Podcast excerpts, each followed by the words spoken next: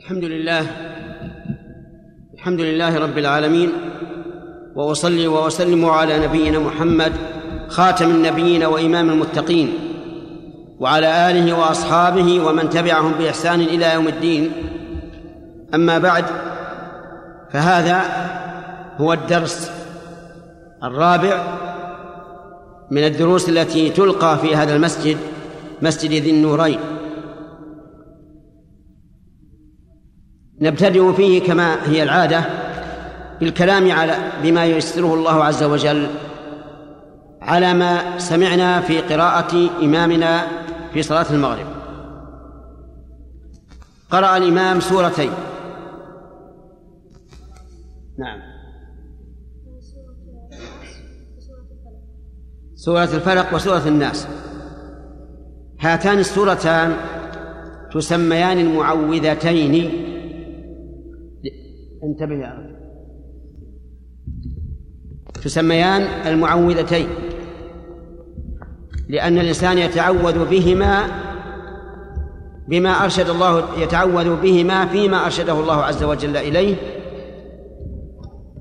وقد قال النبي صلى الله عليه وعلى آله وسلم ما تعوذ متعوذ بمثلهما.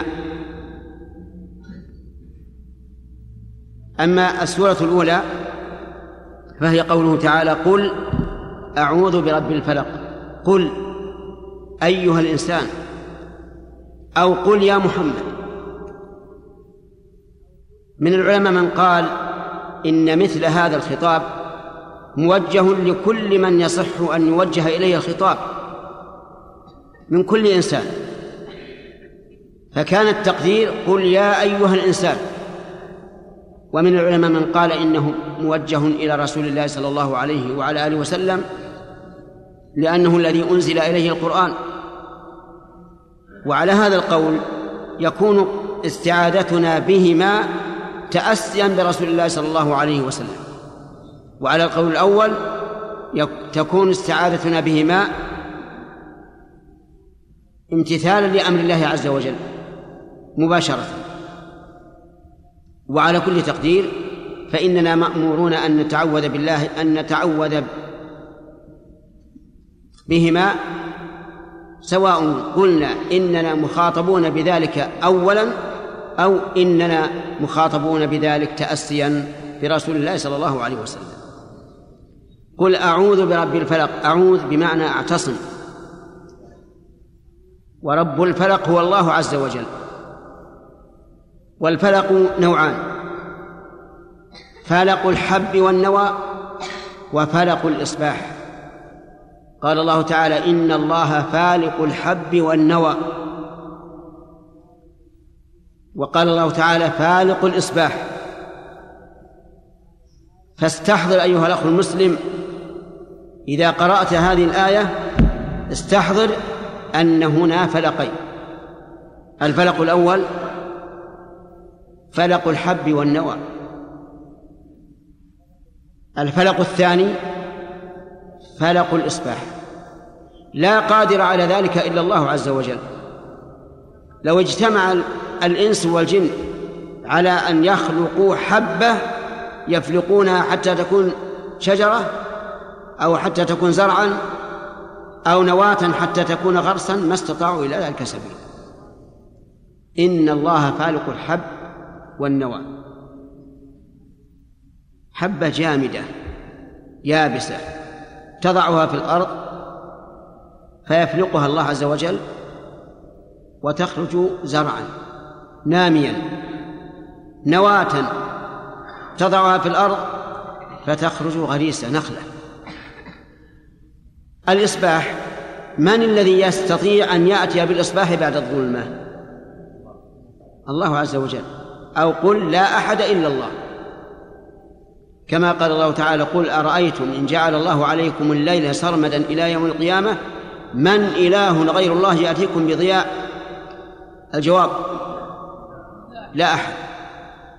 أفلا تسمعون؟ قل أرأيتم إن جعل الله عليكم النهار سرمدا إلى يوم القيامة؟ من إله غير الله يأتيكم بليل تسكنون فيه؟ لا أحد. إلا الله عز وجل. أفلا تبصرون؟ ومن رحمته جعل لكم الليل والنهار لتسكنوا فيه أي في الليل ولتبتغوا من فضله أي في النهار ولعلكم تشكرون. اللهم ارزقنا شكر نعمتك اللهم ارزقنا شكر نعمتك اللهم ارزقنا شكر نعمتك. إذا قل أعوذ برب الفلق أي فلق؟ فلق الإصباح وفلق النواء والحب. من شر ما خلق. من شر ما خلق ما تعم كل مخلوق. ولنبدأ أولا بنفسك. نفسك نفسك مخلوقة. وفيها شر ولا لا؟ فيها شر. ولهذا جاء في خطبة عبد الله في خطبة عبد الله بن مسعود التي رواها عن النبي صلى الله عليه وسلم وهي خطبة الحاجة نعوذ بالله من شرور أنفسنا. النفس فيها شر. قال العلماء النفوس المذكورة في القرآن ثلاث مطمئنة وأمارة بالسوء ولوامة. المطمئنة في قوله تعالى يا أيتها النفس المطمئنة. الأمارة بالسوء وما أبرئ نفسي إن النفس لأمارة بالسوء. اللوامة لا أقسم بيوم القيامة ولا أقسم بالنفس اللوامة النفس المطمئنة تأمر بالخير وتنهى عن الشر والأمارة بالسوء تأمر بالسوء ولا تأمر بالخير اللوامة التي تلوم الإنسان وهل هي الأمارة بالسوء أو أو المطمئنة؟ ماذا ترون؟ هي كلتا النفسين. الأمارة بالسوء. تلوم الإنسان إذا ترك السوء. تقول ليش ما فعلت هذا؟ والله غفور رحيم. فتلوم. المطمئنة تلومه إذا فعل السوء. تقول كيف تفعل هذا؟ إذن اللوامة وصف صالح للأمارة بالسوء وللمطمئنة. ومما ومن ومن الشرور في مخلوقات الله الشياطين. فإن الشيطان شر. يأمر بالفحشاء والمنكر. كما قال عز وجل ومن يتبع خطوات الشيطان فإنه يأمر بالفحشاء والمنكر. فهو داخل. طيب من شر ما خلق. هل يدخل في ذلك شر المخلوقات التي تؤذي الإنسان حسا كالحيات والعقارب والذئاب والكلاب؟ الجواب؟ نعم يدخل في ذلك لأنها كلها مخلوقات الله. هل يدخل في ذلك الصواعق والرياح والزلازل؟ نعم يدخل لأنها مخلوقات الله. إذن فهذه الجملة هذه الكلمة من شر ما خلق عامة في كل ما يخلق الله عز وجل. ومن شر غاسق إذا ومن شر إيش؟ غاسق إذا وقع. الغاسق هو الليل. كما قال الله عز وجل أقم الصلاة لدلوك الشمس إلى غسق الليل. وإنما أمرنا أن نستعيذ بالله من شر الغاسق أي من شر الليل لأن الليل تنتشر فيه الهوام والسباع. فلذلك أمرنا أن نستعيذ بالله من شر الليل إذا وقب أي إذا دخل وثبت. ومن شر النفاثات بالعقد وهن الساحرات. يعقدن عقدا معروفة عند عندهن وينفثن فيها بريق خبيث مستمد من الشياطين. ولا شك أن الساحرات فيهن الضرر العظيم. ومثله الساحرون.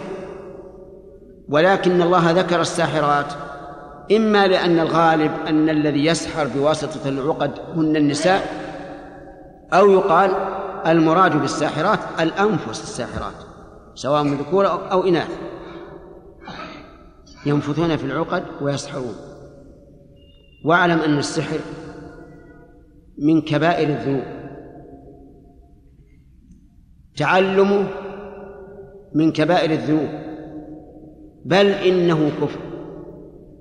قال الله عز وجل واتبعوا ما تتلو الشياطين على ملك سليمان وما كفر سليمان ولكن الشياطين كفروا يعلمون الناس السحر وما يعلمان من أحد حتى يقولا إنما نحن فتنة فلا تكفر. ولهذا وجب قتل الساحر سواء كان السحر مما يكفر به أو مما لا يكفر به وذلك لأنه مؤذي. مؤذي. يسعى في الأرض فسادا. فيجب أن نقتل إلا إذا تاب. إذا تاب توبة نصوحا وعلمنا صدق توبته فإن الله تعالى يقول قل يا عبادي الذين أسرفوا على أنفسهم لا تقنطوا من رحمة الله إن الله يغفر الذنوب جميعا. ومن شر النفاثات في العقد ومن شر حاسد إذا حسد. الحاسد هو الذي يكره أن ينعم الله تعالى على غيره. نعوذ بالله. إذا رأى نعمة الله على شخص كرهها حتى وإن لم يتمنى زوالها فإن تمنى زوالها صار أشد وإن سعى في زوالها صار أشد. استمع يا أخي. الحسد إذن كراهة ما أنعم الله به على الغير فإن تمنى زوالها صار أشد فإن سعى في زوالها كان أشد وأقبح. مثال ذلك رجل رأى شخصا من الله تعالى عليه بالعلم فكره أن أن أن يكون عالما هذا الرجل كره أن يكون عالما. ثم تمنى أن الله يحرمه من هذا العلم ويزيله عنه ثم ذهب يشوه سمعته عند الناس حتى لا يجعلوه إماما لهم في في دينه. كم المراتب الآن؟ ثلاث. أن يكره النعمة على غير على الغير أن يتمنى زوالها. الثالث أن يسعى في زواله رأى رجلا أنعم الله عليه بالمال الذي ينفقه في سبيل الله فكره ذلك ثم تمنى أن يزول عنه ذلك إما بالفقر وإما بالبخل ثم سعى في إزالة ذلك. سعى به إلى الناس وشابه إلى إلى الحكام حتى يسلبوه ماله. طيب الحسد ما حكمه؟ هل هو حرام ولا جائز؟ حرام. بل من كبائر الذنوب. وليعلم أن الحسد خلق ذميم. فيه الوقوع في المعصية. وهي من كبائر الذنوب. هذه واحد. فيه أنه من خصال أخبث عباد الله. وهم اليهود. اليهود الذين قال الله عنهم أم يحسدون الناس على ما آتاهم الله من فضله؟ وقال ود كثير من أهل الكتاب ليردونكم من بعد إيمانكم كفارا حسدا من عند أنفسهم. فالحاسد فيه شبه من اليهود. نسأل الله العافية. من منكم يرضى أن يكون فيه شبه من اليهود؟ أجيبوا يا جماعة. لا أحد. لا أحد يرضى. فكيف تحسن عود نفسك يا أخي. عود نفسك البعد عن الحسد.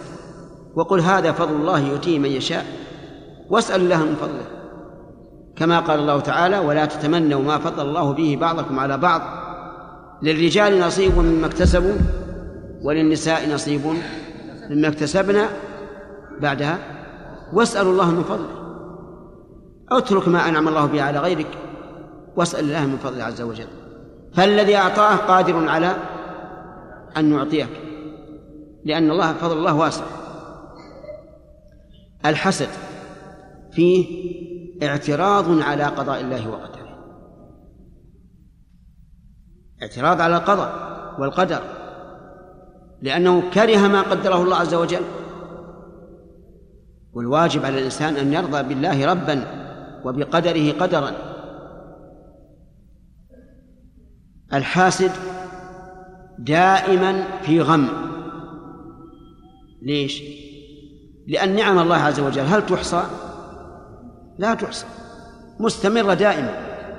كلما أنعم الله على على غير هذا الحاسد بنعمة ازداد غما وهما وتحسر.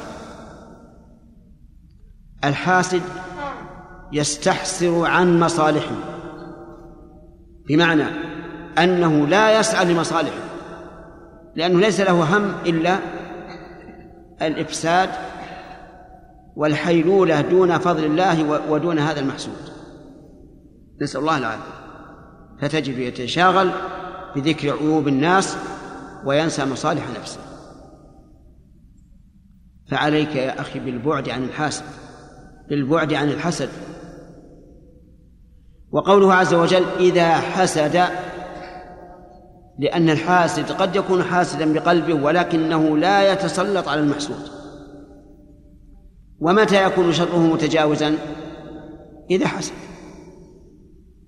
إذا حسد نال الضرر الضرر المحسود. أما قبل ذلك فالغم والنار في قلب الحاسد ما تضر. وقال بعض أهل العلم إن معنى قوله إذا حسد يريد به العائن. العائن وش العائن؟ إيش؟ اللي يغضب؟ اللي ينظر. إذا أنت عائن. لأنك تنظرني الآن. ينظل ينظل يعني يرمي بالنضال؟ هذا حسن. من هو العائن آه. الذي يصيب الناس بعينه ولا أدري هل اللغة عندنا شاملة لجميع أهل نجد؟ يقول النحوت.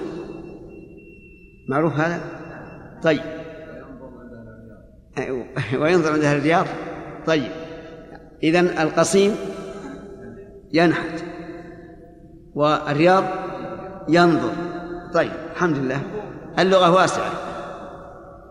على كل حال قال بعض أهل العلم إن معنى حاسد إذا حسد يعني النحوت أو الناظر إذا نظر لأن العين حق. العين حق.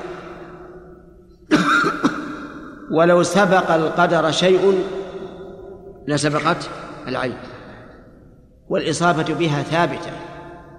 ومن أنكرها فإنما أنكر المحسوس. ولكن ما الذي يقي الإنسان من العين الذي يقيه أن يتعوذ بهاتين السورتين إذا تعوذ بهما بصدق كفاه الله تعالى شر كل عائل ولكن يكون بصدق. ما هو تجربة؟ حقيقة يعني يؤمن بأن الله سيعيذه من كل حاس من شر كل حاس إذا حسد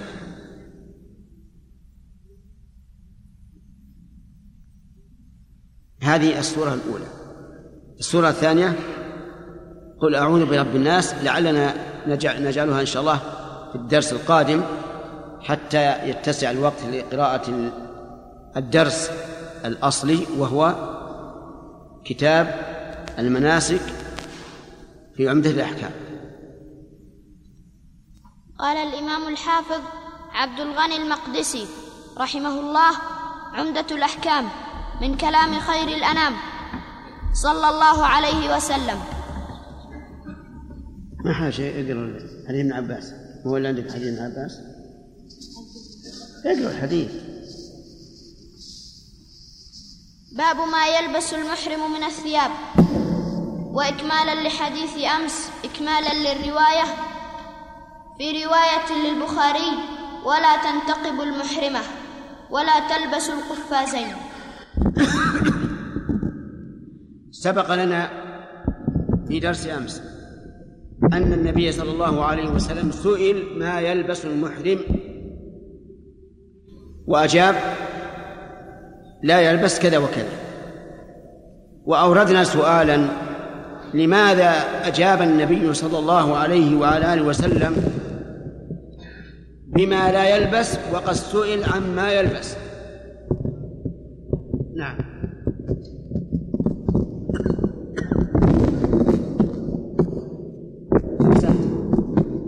لأن ما ما يلبس أكثر من الذي لا يلبس. والعدول بالجواب عن مطابقة السؤال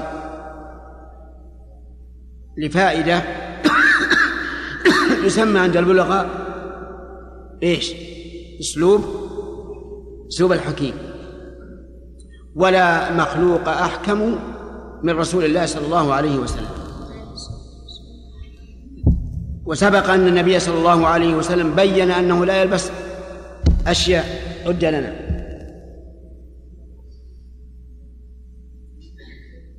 ما هي الأشياء التي قال لا يلبس؟ ما الأشياء التي قال النبي صلى الله عليه وسلم لا يلبس؟ قال لا يلبس الثوب المغربي؟ إيش الكلام حضرت ولا ها؟ اترك المغربي ما عندنا وش قال؟ غابت عنك وأنت حاضر أمس؟ اسلم تفضل.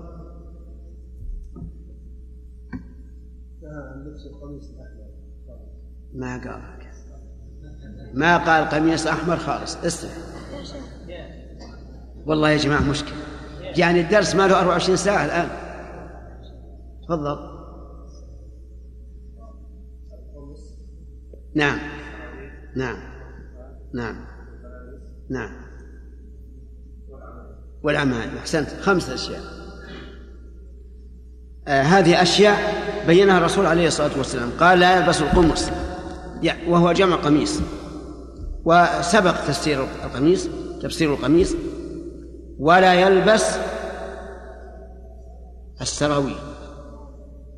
معروفة ولا غير معروفة طيب. ولا البرانس. وهنا جاء جواب الأخ الثوب المغربي. البرانس ثياب لها آه، طوق يغطي الرأس. ولا العمائم.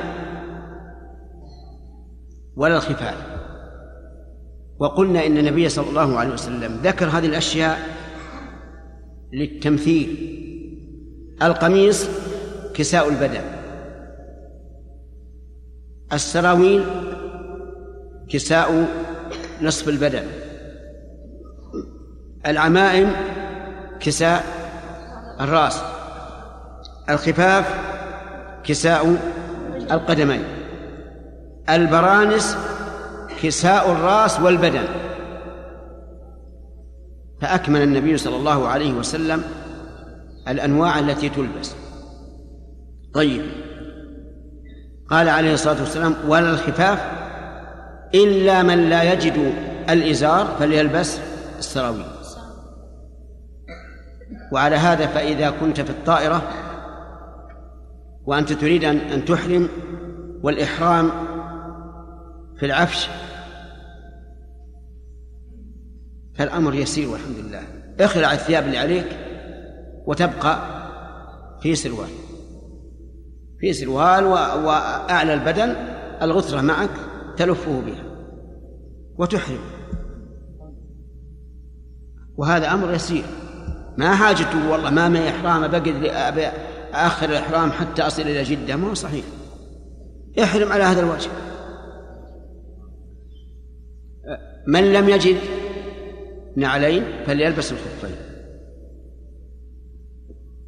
لأن المحرم إذا أحرم وهو بيمشي لا بد يلبس وقاء للرجل وهي النعل. إذا لم يجد فليلبس الخفين.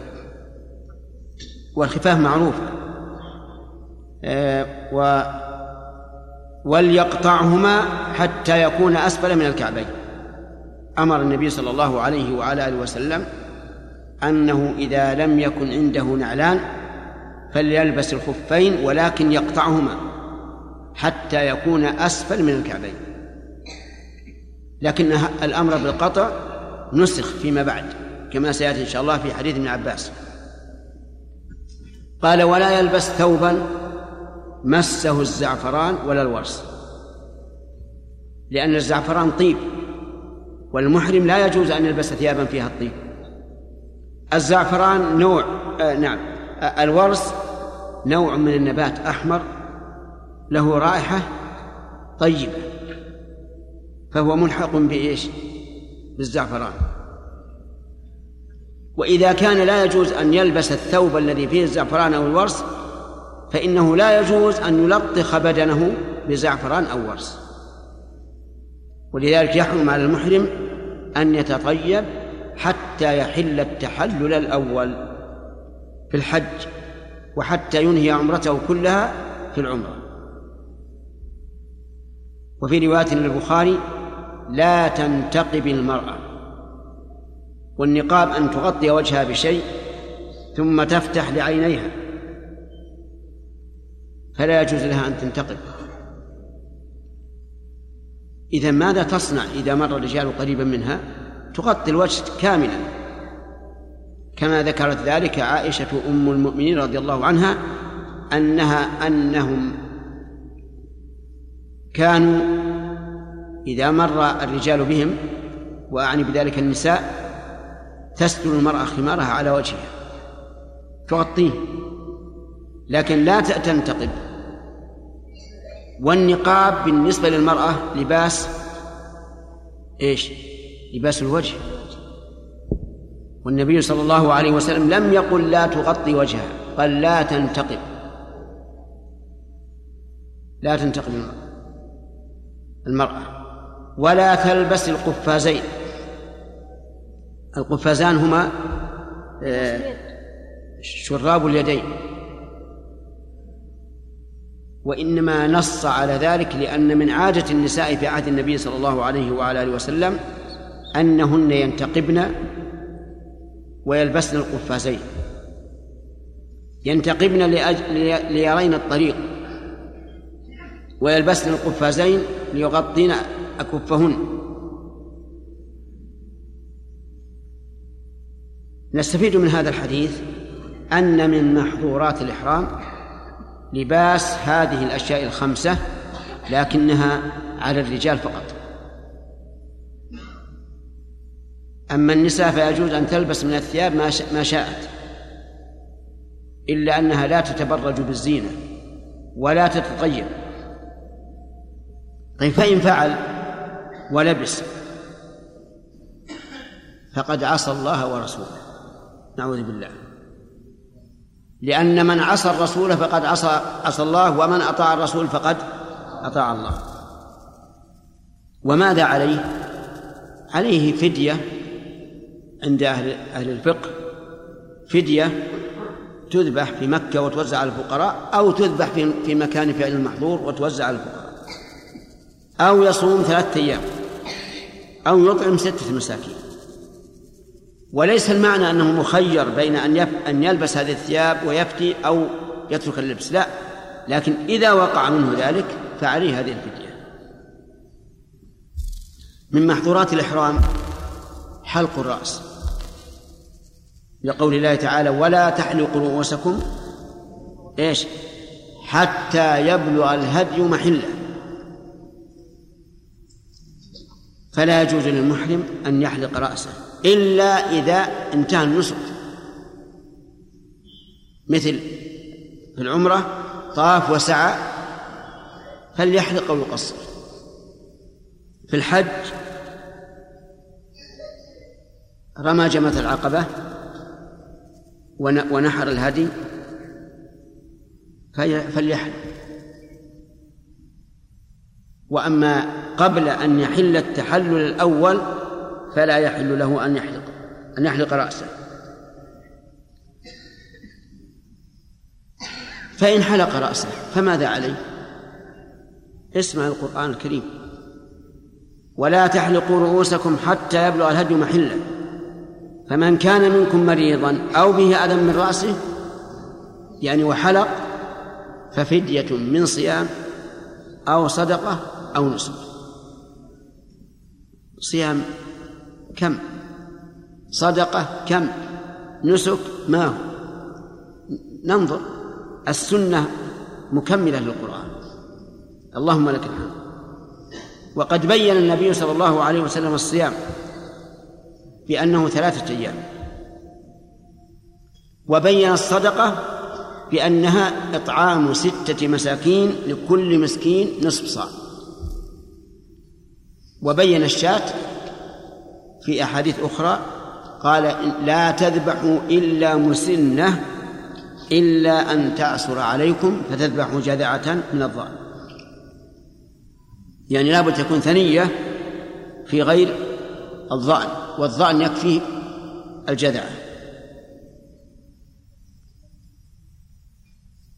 جيء بكعب بن عجرة رضي الله عنه إلى النبي صلى الله عليه وسلم في الحديبية في عمرة الحديبية. وكان مريضا. وكان الوسخ قد ملأ رأسه وتولد منه القمل.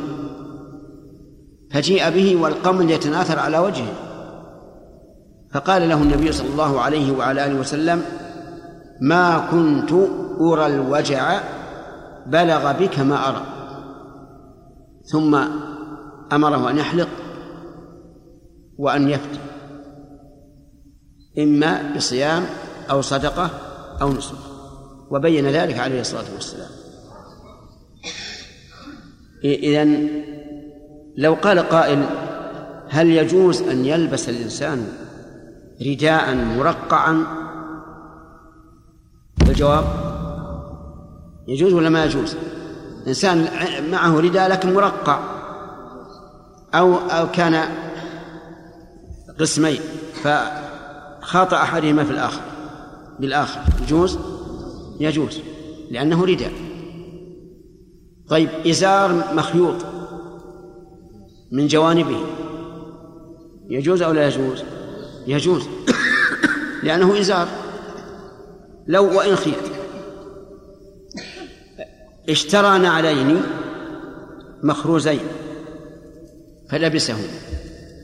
يجوز أو لا يجوز؟ يجوز. لأنهما نعلان وإن كانا مخروزين.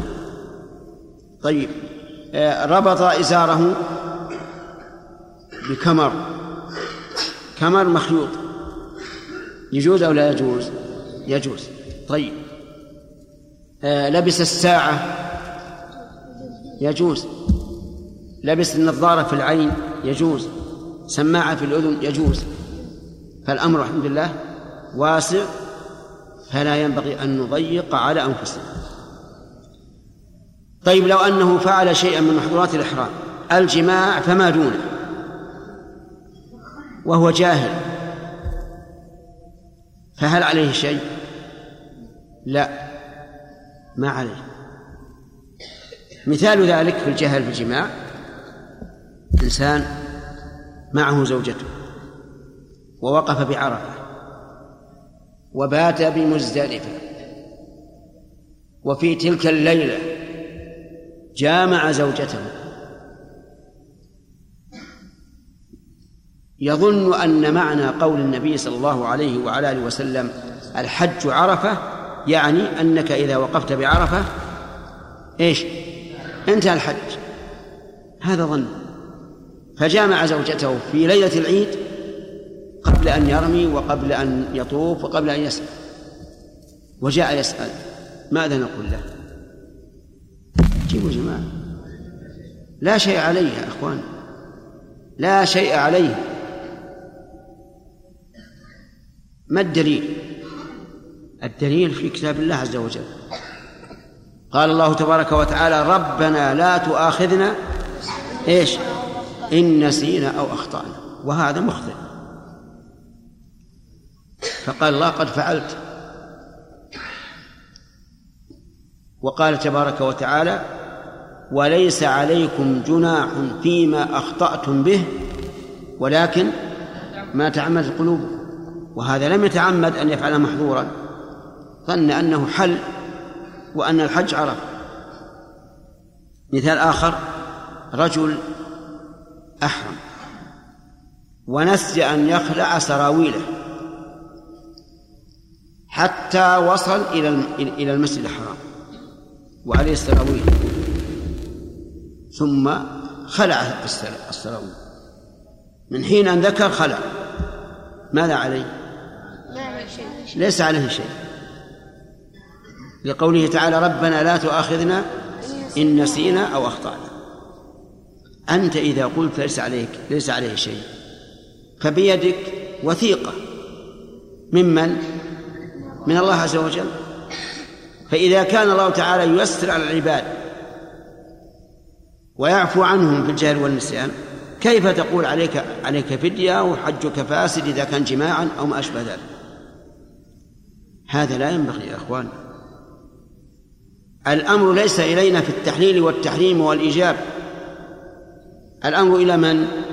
إلى الله عز وجل. فإذا كان ربنا تبارك وتعالى يقول ربنا لا تؤاخذنا إن نسينا وأخطأنا وقال قد فعلت. كيف نلزم عباد الله؟ بإثم أو كفارة أو فدية والله تعالى قد عفى عنهم. ليس هذا من حقه.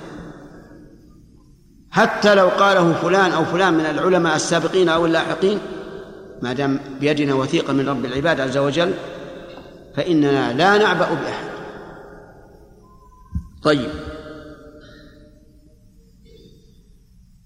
امرأة كانت محرمة بالحج. وزوجها لم يحرم. وأكرهها فجامعها ولم تستطع مدافعته. ماذا عليها؟ لا شيء عليها لماذا؟ لأنها مكرهة. فخذ هذه القاعدة. جميع محظورات الإحرام. إذا فعلها الإنسان ناسيا أو جاهلا أو مكرها فليس عليه إثم وليس عليه كفارة وليس عليه فدية والحمد لله. وحجه صحيح. نعم اقرأ. وعن عبد الله بن عباس رضي الله عنهما قال سمعت النبي صلى الله عليه وسلم يخطب بعرفات من لم يجد نعلين. فليلبس خفين ومن لم يجد إزارا فليلبس سراويل يعني للمحرم. يعني للمحرم. نعم. ابن عباس رضي الله عنهما سمع النبي صلى الله عليه وسلم بعرفات. يخطب ويعلن من لم يجد إزارا فليلبس السراويل ومن لم يجد علين فليلبس الخفين. هذا في عرفات. حديث ابن عمر الذي قبله كان في المدينة. أيهما الآخر؟ حديث ابن عمر ولا ابن عباس؟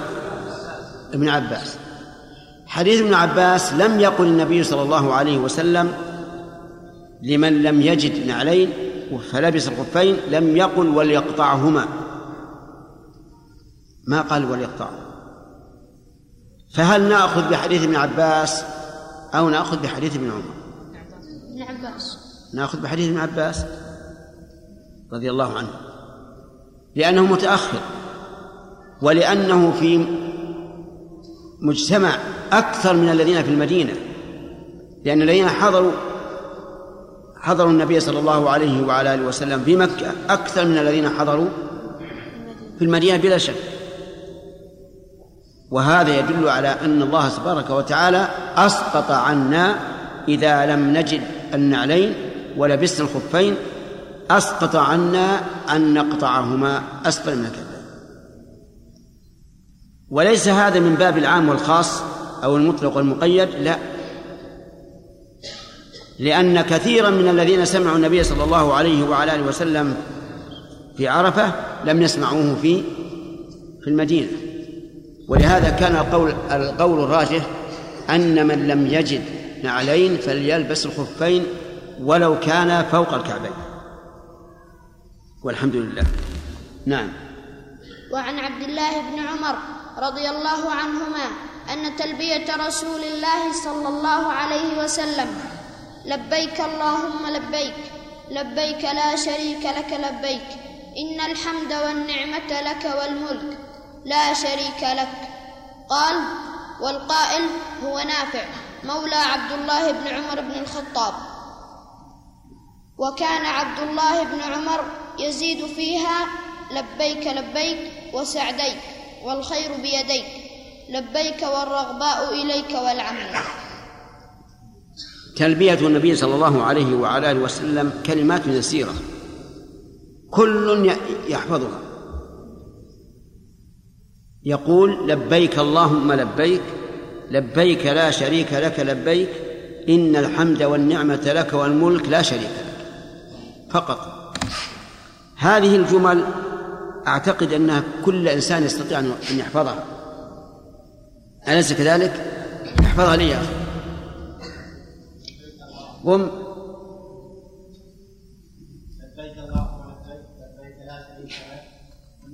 لا باقي. نعم.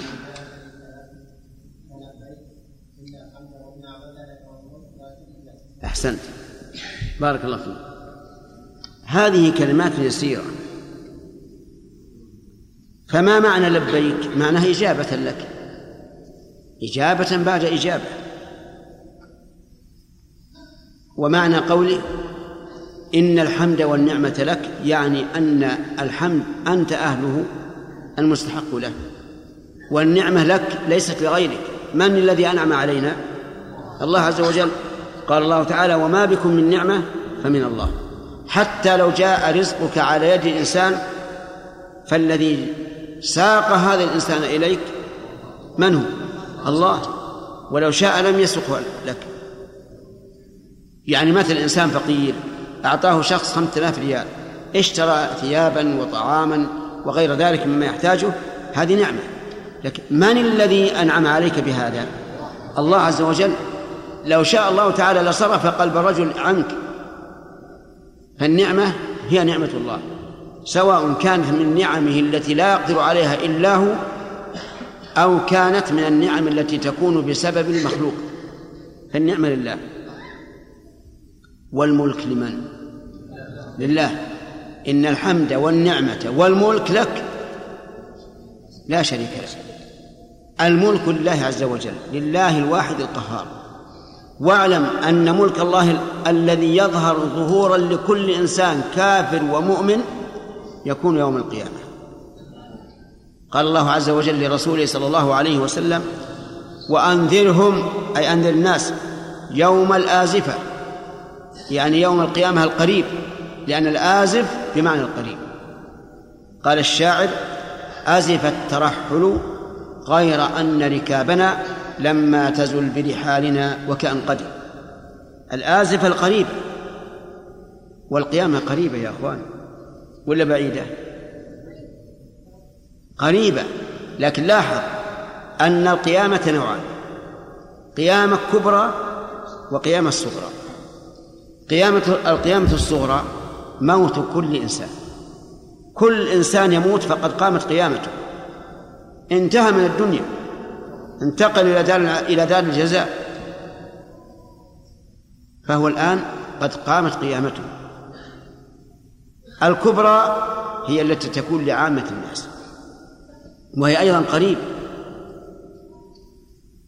قال الله تعالى يسألك الناس عن الساعة قل إنما علمها عند الله وما يدريك لعل الساعة تكون قريبا.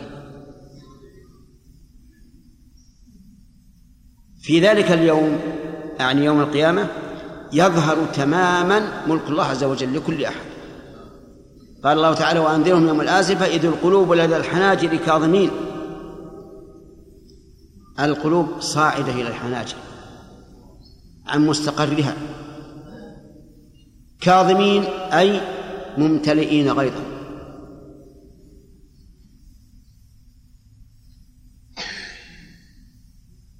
وقال عز وجل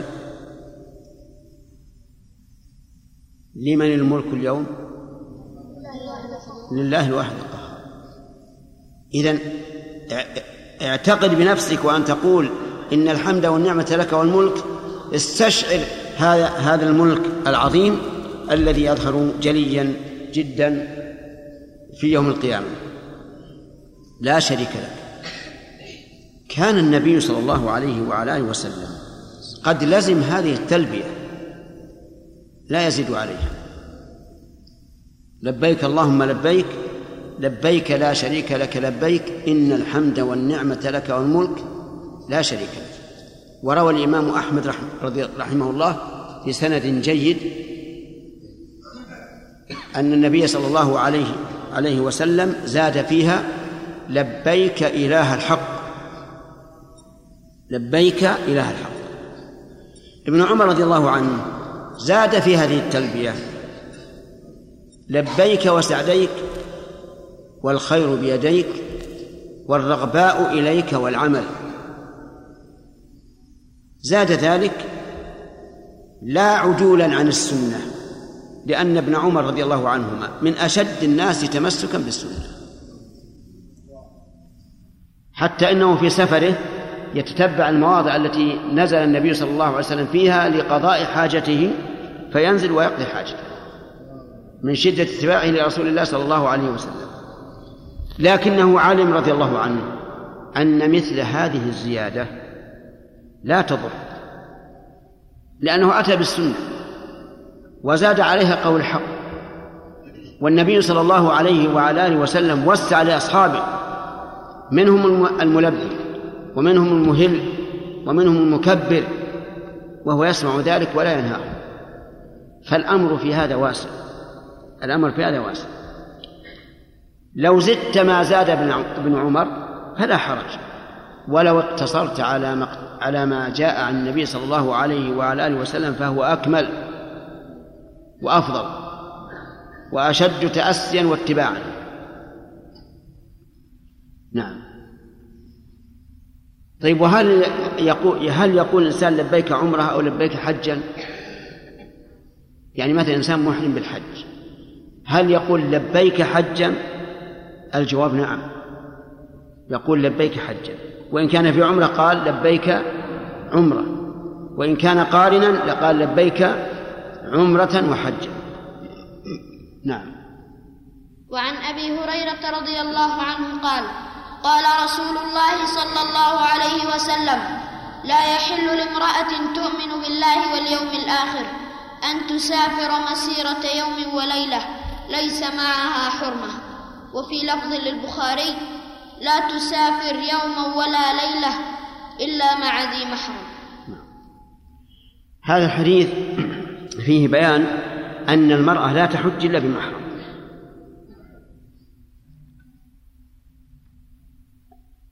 لا تحج إلا بمحرم لأن الحج سفر.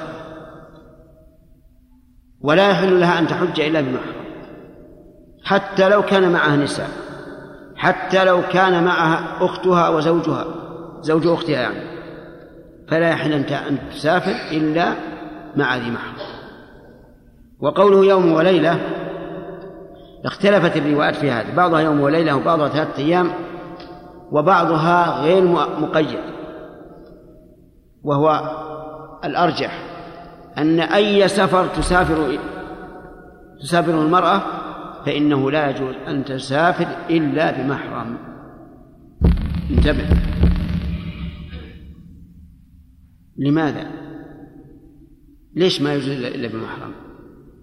خوفا عليها وصيانة لها لأن المرأة ضعيفة ناقصة كل إنسان يلعب عليها. فربما تنخدع يأتيها الفاسق ويخدعها وتنقاد له. وربما يعتدي عليها عدوانا ولو لم ترضى بذلك. فلا بد من رجل يذود عنها.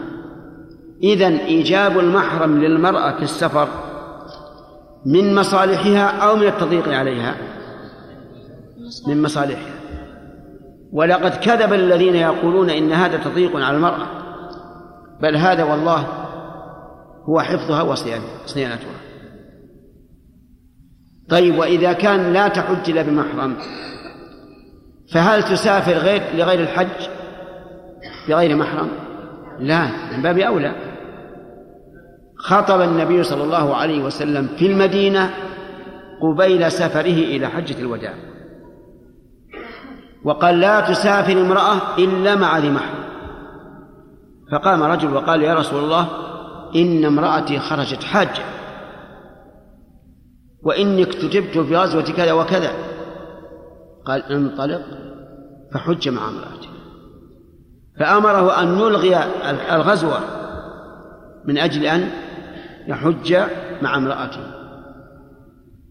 فإذا كان النبي صلى الله عليه وسلم أمر الرجل أن يدع الغزوة ويحج مع امرأته فكيف بمن هو جالس في مكان ليس له شغل ويدع امرأته تسافر بلا محرم؟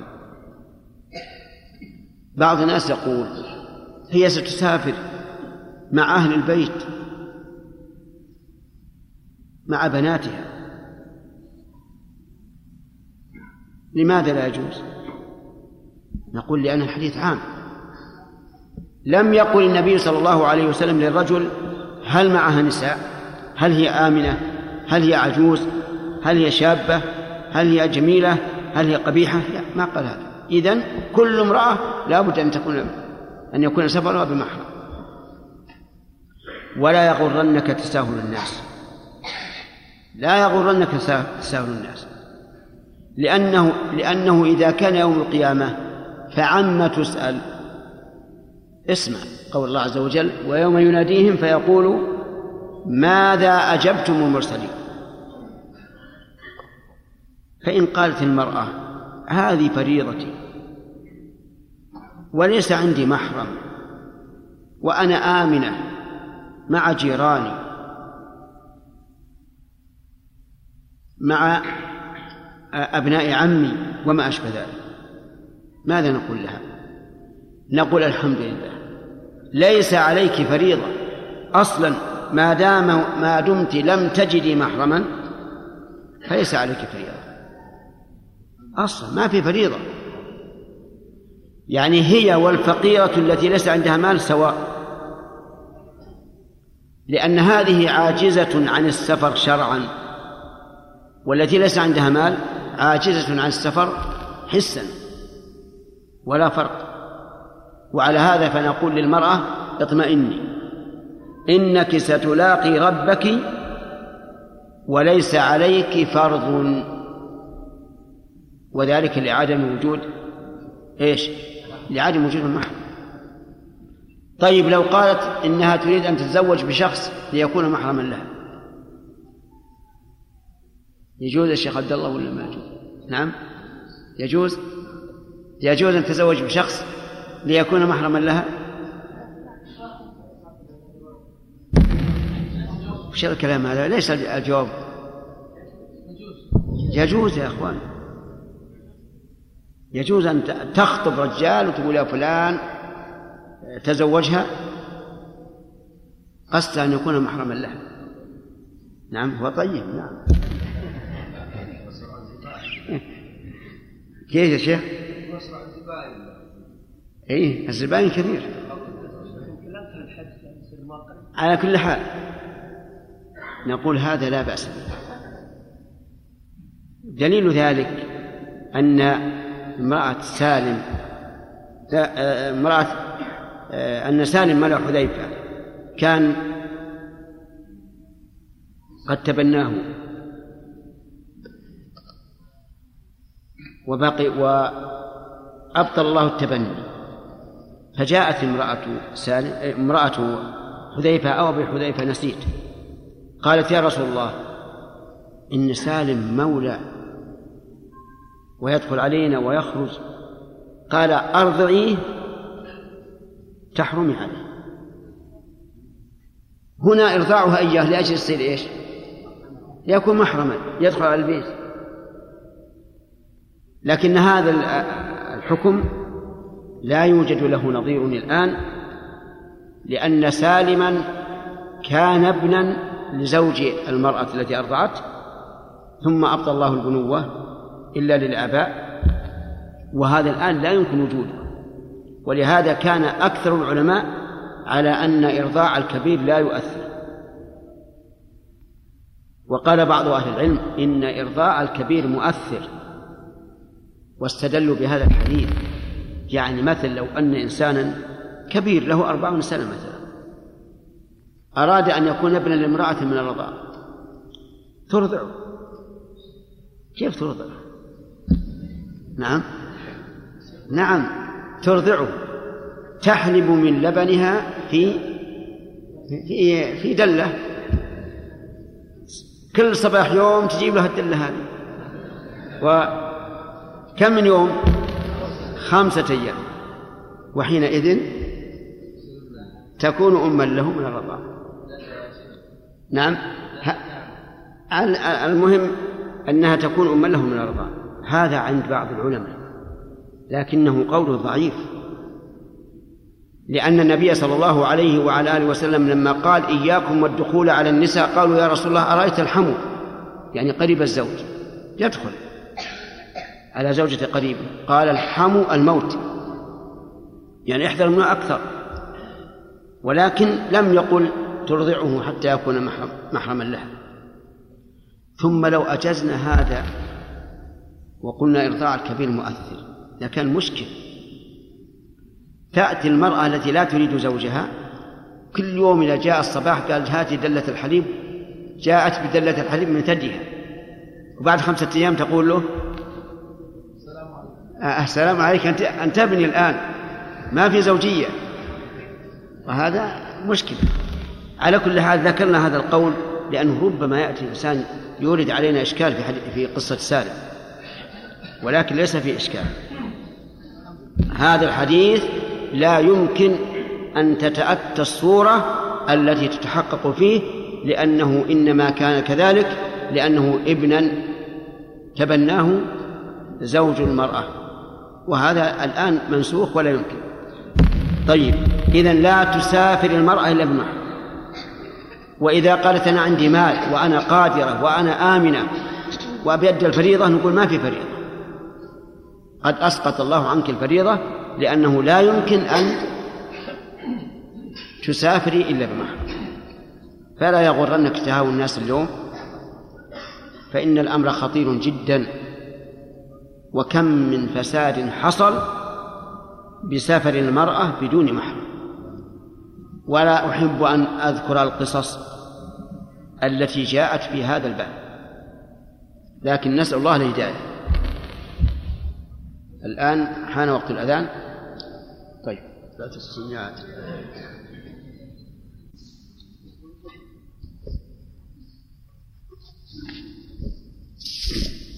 بسم الله الرحمن الرحيم.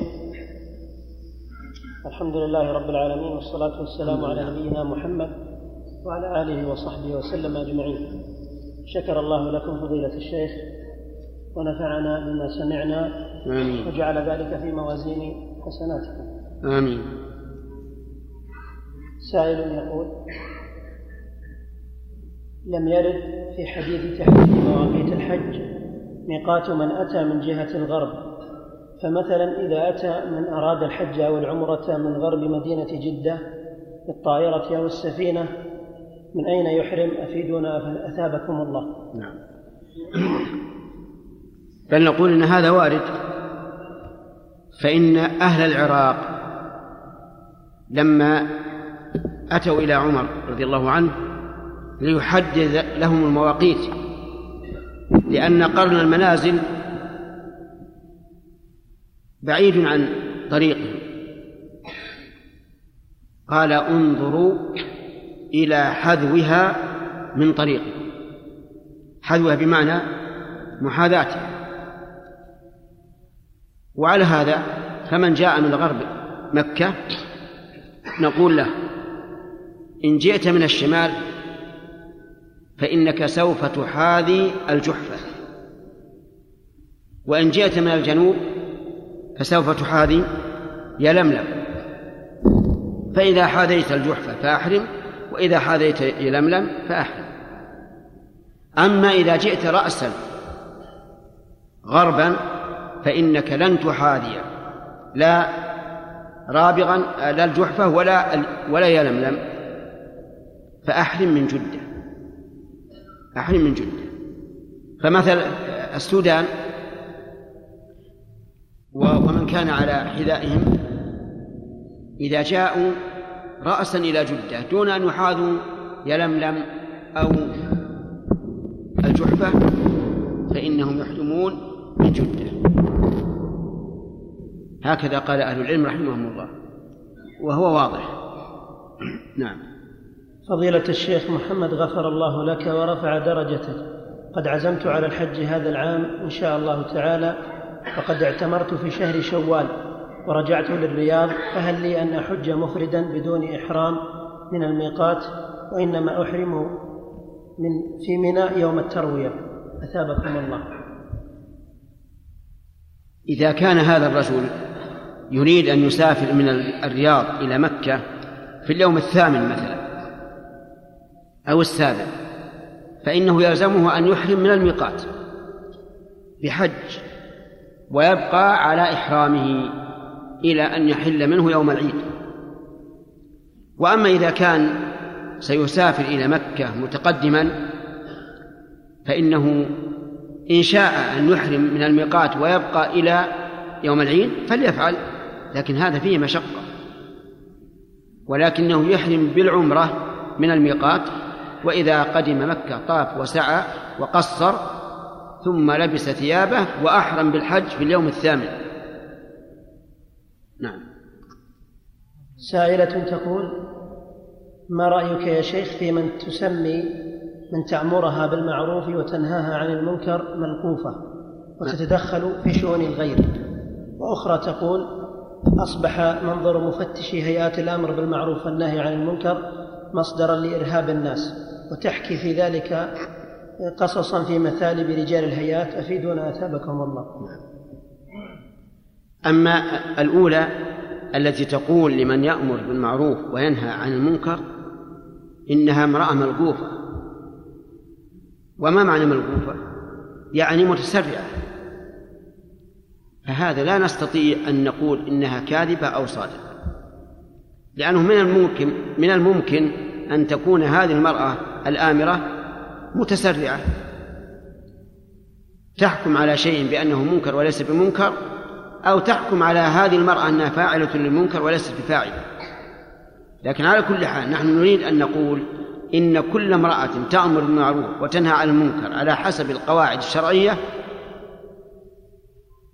فإنها ليست ملكوفة بل هي على خير ولكن عليها بالرفق عليها بالتأني. عليها بجذب الناس بحسن أخلاقها. فإن ذلك من أكبر المؤثرات على من يؤمر بالمعروف أو ينهى عن المنكر. وأما قول من قال إن رجال الهيئة إنهم أناس أهل شو يقول؟ مصدر للإرهاب. مصدر للإرهاب فكذب. فإن الآمرين بالمعروف والناهين عن المنكر هم الدعاة إلى الأمن وإلى الخير كله لأنه لا يمكن أن يوجد أمن إلا بإيمان أبدا ولا يمكن أن يوجد إيمان إلا بترك المعاصي ففعل المعاصي ينقص الإيمان وإذا نقص الإيمان نقص الأمن. اسمع إلى قوله تعالى الذين آمنوا ولم يلبسوا إيمانهم بظلم أكمل الآية. أولئك لهم الأمن وهم مهتدون. فمن ينشد الأمن فإنه لا طريق إليه لا بكثرة الجنود ولا بقوة السلطان إلا بإيش؟ بالإيمان بالله. صحيح أن قوة السلطان وكثرة الجنود توجب أن يأمن الناس ظاهرا لا شك لأن يوجد ما يردعهم لكن الإيمان بالله هو الذي يرجع الناس ظاهرا إيش؟ وباطنا. لأنه يعلم أن له رقيبا وهو الله عز وجل. لكن الإنسان الذي لا يمكن أن يترك المنكر إلا بقوة السلطان هذا يترك المنكر ظاهرا لكن باطنا. إيش؟ لا يتركه. إذا كان السلطان لا, لا, يطلع عليه. فنقول الآمرون بالمعروف والناهون عن المنكر هم دعاة الأمن في الحقيقة ولا يتحقق الأمن إلا بذلك لأن الأمر بالمعروف والنهي عن المنكر يستلزم قلة المنكر وكثرة المعروف. وإذا قل المنكر وكثر المعروف فذلك الأمن. هذا هو الأمن. ونحن إنما نتكلم عن الأمر بالمعروف والنهي عن المنكر.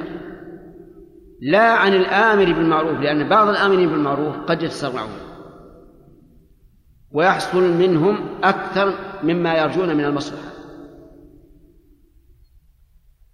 فالإنسان يحكم على المعنويات لا على الأشخاص. وأنا أشهد بالله أن الآمرين بالمعروف والناهين عن المنكر على ما تقتضي الشريعة هم دعاة الأمن وليسوا إرهابيين. ليسوا إرهابيين. وليعلم أن كلمة الإرهاب استغلها أعداء الإسلام ليطلقوها على كل مؤمن. كل إنسان مؤمن ملتزم بإيمانه يقولون إنه إرهابي. فاستغلوا هذه هذه هذه الكلمة من أجل أن يرهبوا عباد الله. في دين الله عز وجل. وإلا لو لو رجعنا إلى الواقع لقلنا اذهب إلى الدول الغربية. انظر إلى إلى إلى الإرهاب فيها. الواحد لا يمكن يكون معه في مخباته عشرة ريالات. لو أظهر العشرة ريالات في مخباته لكان ربما يقتل من أجله. ولا يأمن الإنسان لا على عرضه ولا على ماله ولا على أهله. في تلك الديار. أين الإرهاب؟ ونحن نعلم بالتتبع والاستقراء أنه كلما كانت الدولة أكثر تطبيقا للإسلام كان الإرهاب في بلادها. أقل ولا أكثر؟ أقل. لا شك في هذا. ولينظر العاقل إلى الأمة الإسلامية. حينما كانت مؤمنة متمسكة بالدين أنه لا يوجد فيها إرهاب أبدا. ألم تعلموا أن خليفة المسلمين عمر بن الخطاب رضي الله عنه الذي ملك من من الفرات فما وراءه إلى البحر من الغرب؟ ألم تعلموا أنه ينام في المسجد على كومة من حصباء وليس عليه حارس؟ ألم تعلموا هذا؟ العالم منكم يعلم هذا والذي لم يعلم يعلمه الآن. يذكر أن معاوية بن أبي سفيان رضي الله عنه وكان أميرا في الشام لعمر بن الخطاب. أمره على الشام. فاحتاج بيت المال إلى بيت يهودي. إلى بيت يهودي. فبذل له معاوية مالا كثيرا أكثر من قيمة البيت من أجل أن يوسع به إيش؟ بيت المال. فأبى اليهود مراغمة للمسلمين. قاتل الله اليهود ولعنهم إلى يوم القيامة. قال أبدا ما أبي. فقال له معاوية أنت الآن مضار. مضار ما قصدك المال. ولا قصدك بيتك ما يهمك. لكن تريد إضرارنا يلا دخلوا في بيت المال. وسعوا به بيت المال وهذه القيمة مضاعفة متى شئت فخذها. ماذا صنع اليهودي؟ اليهودي يعرف كيف يتصرف. ركب إلى أمير المؤمنين عمر بن الخطاب. أين هو؟ في المدينة. دخل المدينة يسأل أين عمر بن الخطاب؟ أين عمر بن الخطاب؟ قيل له في المسجد ذهب إلى المسجد وإذا هذا الرجل النائم على كثيب من الحصبة وسادة حصبة حجر حجر فخرج يسأل وين الخليفة؟ وين أمير عمر؟ أمير المؤمنين؟ قالوا هذا اللي في المسجد قال هذا قال نعم معاوية رضي الله عنه من سياسته الحكيمة في الشام لما كانت الروم يكون لأمرائها شيء من الأبهة صار عنده شيء من الأبهة لأجل أن تبقى هيبة الحكم على ما كانت عليه. فجاء نعم معاوية فجاء إلى هذا إلى المدينة وإلى هذا الرجل. رفع إليه القضية. كتب عمر رضي الله عنه كتابة رمز في الواقع. فقال اعمر له بيتا رد عليه بيتا وليس كسرى بأعدل منا بس رجع اليهودي إلى معاوية وأعطاه إما ورقة أو أو عظم. أعطاه إياه. فأخذه معاوية وضعه على رأسه. وقال أعمروا له بيتا لما رأى اليهودي هذا العدل العظيم قال لا لا أن أشهد أن لا إله إلا الله وأن محمد رسول الله وبيتي لبيت الله. الله أكبر. شوف الأمن. الأمن والعدل والرضا نعود إلى موضوع الموضوع الذي سقنا من أجل هذا الكلام. أقول متى تم الأمر بالمعروف والنهي عن المنكر؟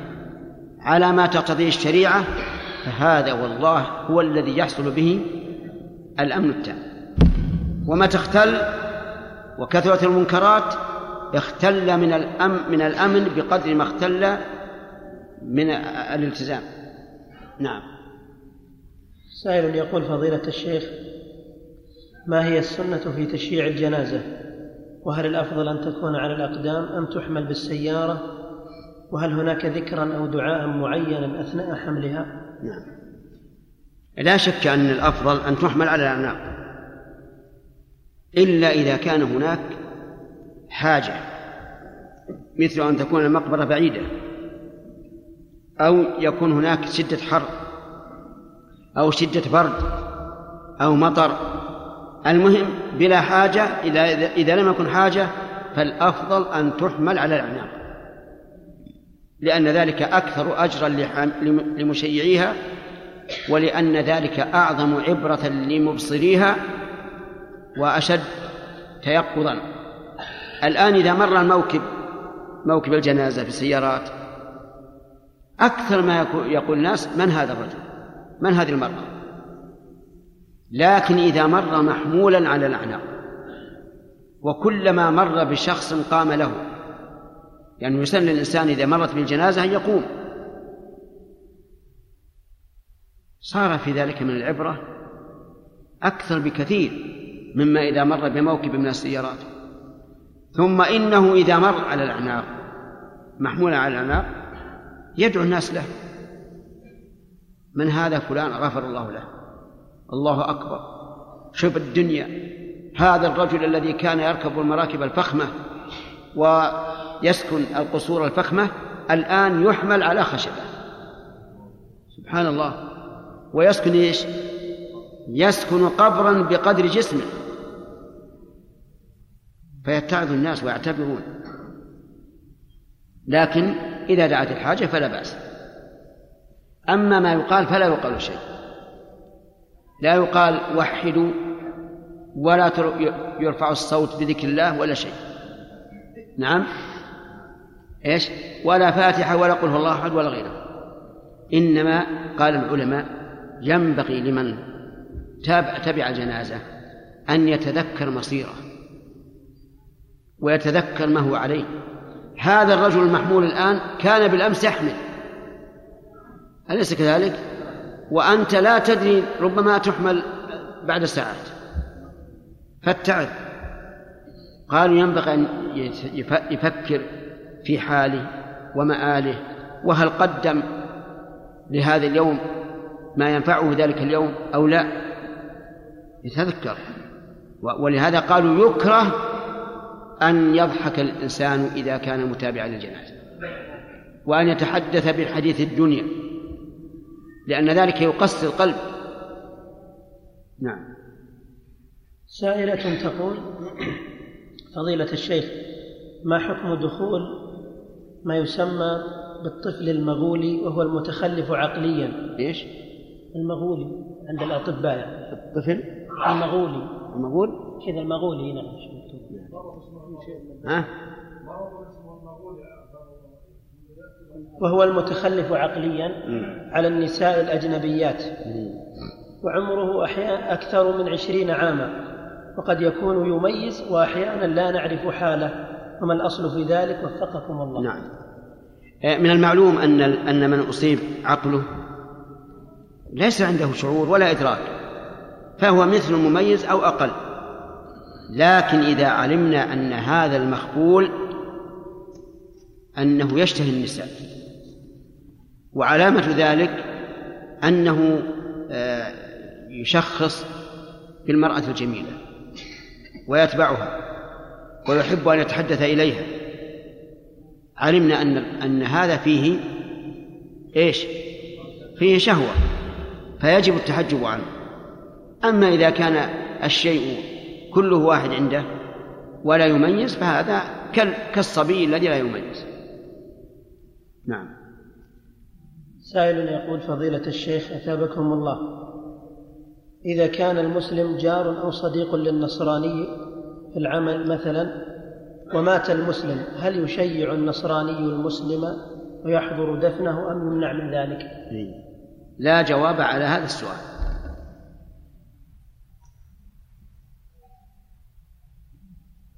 سائل يقول فضيلة الشيخ محمد حفظه الله هل يجوز الانحناء تعظيما لشخص لا سيما من له مكانة اجتماعية؟ أو كان من قوم هذه تحيتهم نرجو التفصيل في ذلك. افتونا مأجورين جزاكم الله. لا يجوز الانحناء عند السلام لأن النبي صلى الله عليه وسلم سئل عن الرجل يلقى أخاه أينحني له؟ قال لا. قال. قال أي... أين... نعم. أيعانقه؟ قال لا. قال أيصافحه؟ قال نعم. فالسنة عند الملاقاة هي المصافحة. إذا لقيت أخاك في السوق وأوجبت الملاقاة أن يقف معك وتقف معه فصافحه. وليس المعنى أنك كلما مرت بأحد بالسوق تمد يدك تصافح لأن هذا ليس من هدي النبي صلى الله عليه وسلم. لكن إذا لقيك أخوك ودعت الحاجة أن تقف جميعا فصافح ولا تنحني له ولا تقبله ولا تعانقه. إلا إذا قدم من سفر فقد قال الشعبي رحمه الله وهو من كبار التابعين المعروفين قال إنهم كانوا إذا قدم أحدهم من السفر يعانقونه ويقبلونه. وأما بدون سبب فتكفي المصافحة إذا الانحناء ممنوع. المعانقة والتقبيل إذا كان لسبب فلا بأس وإلا فلا. فلا تعانق ولا تقبل. المصافحة أجب. سنة على كل حال عند الملاقاة التي يكون معها وقوف. نعم. التقبيل عند التعزية والمعانقة لا أصل له. أبدا. اللهم إلا رجل آه، مثلا لم قدم من سفر وواجه أهل الميت فلا بأس أن يقبلهم ويعانقهم. أما من أجل التعزية فلا.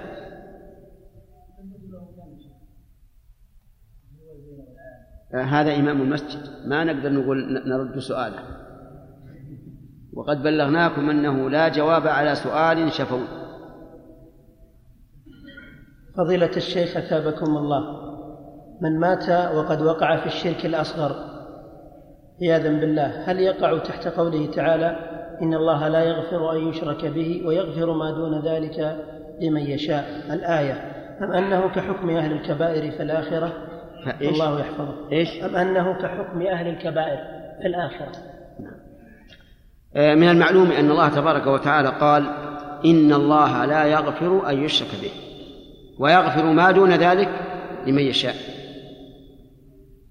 يرى شيخ الإسلام رحمه الله أن الشرك الأصغر لا يغفر مثل أن تحلف بغير الله أو تقول لولا الله وفلان وما أشبه ذلك يقول هذا لا يغفر لكن إذا لم يكن الشرك أكبر فإن الإنسان يعذب بقدر ذنبه ثم مأواه الجنة.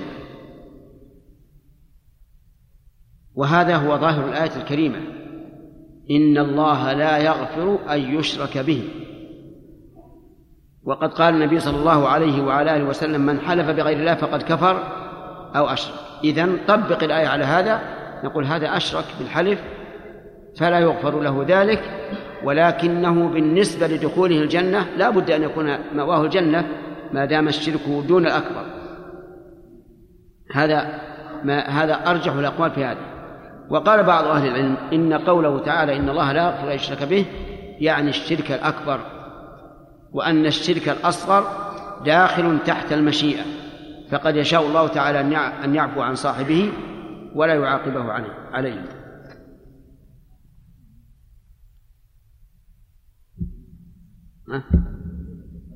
وجبت؟ أمس الشيخ أخذنا أكثر وقت. ما عدت وجبت.